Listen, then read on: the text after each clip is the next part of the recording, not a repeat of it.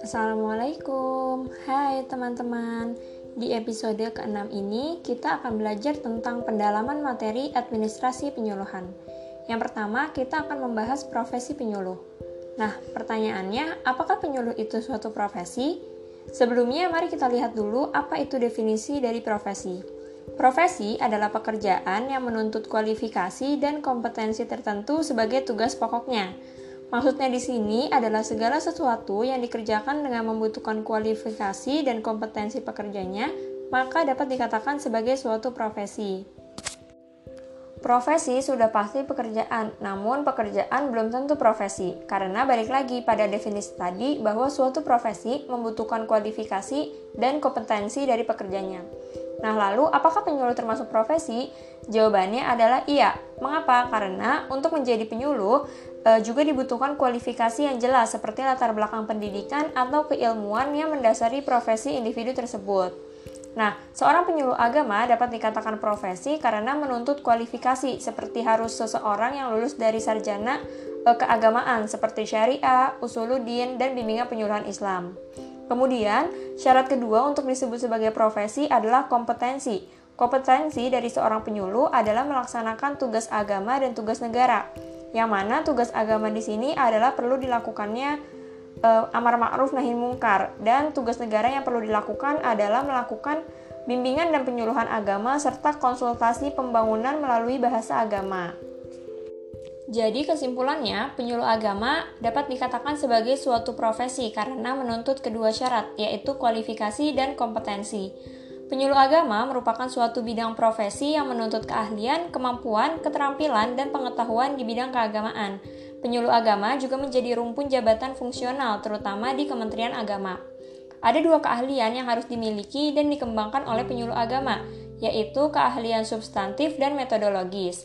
Keahlian substantif di sini berkaitan dengan penguasaan terhadap materi-materi substansi keagamaan yang akan disampaikan kepada khalayak sasaran. Sedangkan keahlian metodologis berkaitan dengan penilaian metode dan strategi yang tepat dalam penyampaian materi penyuluhan agama. Selanjutnya yaitu tugas dan fungsi penyuluh agama. Tugas pokok dan fungsi penyuluh agama Islam yaitu sebagai dai atau melakukan dan mengembangkan kegiatan bimbingan atau penyuluhan agama dan pembangunan melalui bahasa agama kepada masyarakat. Penyuluh agama memiliki tugas membimbing dan membawa masyarakat kepada kehidupan yang aman dan juga sejahtera. Penyuluh agama Islam adalah tokoh panutan, tempat bertanya, dan tempat mengadu bagi masyarakat untuk memecahkan dan menyelesaikan masalah yang sedang dihadapi. Selanjutnya yaitu peran dan kedudukan penyuluh agama. Penyuluh agama memiliki peran dan kedudukan yang sangat penting bagi masyarakat. Di antaranya yang pertama sebagai figur sentral yang memimpin masyarakat, seperti menjadi imam dalam urusan agama dan kemasyarakatan. Yang kedua sebagai agen perubahan bagi masyarakat, yaitu mengadakan perubahan ke arah yang lebih baik dan maju. Lalu yang ketiga sebagai motivator pembangunan dan yang keempat sebagai fasilitator Kementerian Agama, yaitu untuk meningkatkan kualitas keberagamaan umat dan menyelesaikan misi program pembangunan.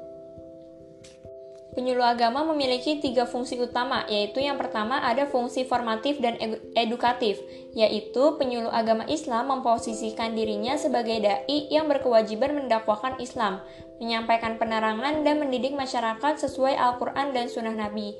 Lalu yang kedua, fungsi konsultatif, yaitu penyuluh agama Islam menyediakan dirinya untuk turut memikirkan dan memecahkan persoalan-persoalan yang dihadapi masyarakat baik e, persoalan pribadi, keluarga, atau masyarakat secara umum. Dan yang ketiga, fungsi edukatif, yaitu penyuluh agama Islam memiliki tanggung jawab moral dan sosial untuk melakukan kegiatan pembelaan terhadap umat masyarakat e, yang terkena ancaman, gangguan, hambatan, dan tantangan yang merugikan akidah, mengganggu ibadah, dan merusak akhlak individu. Jadi secara singkat, yang disebut dengan administrasi penyuluhan adalah hasil pemikiran manusia semata, sedangkan administrasi penyuluhan Islam adalah hasil pemikiran manusia yang dijuai dan dinafasi oleh prinsip-prinsip dasar administrasi yang terdapat dalam Al-Quran dan Sunnah Rasulullah SAW sebagai dasar ajaran Islam. Sekian episode kali ini, jangan lupa stay tune terus dan sampai jumpa di episode selanjutnya.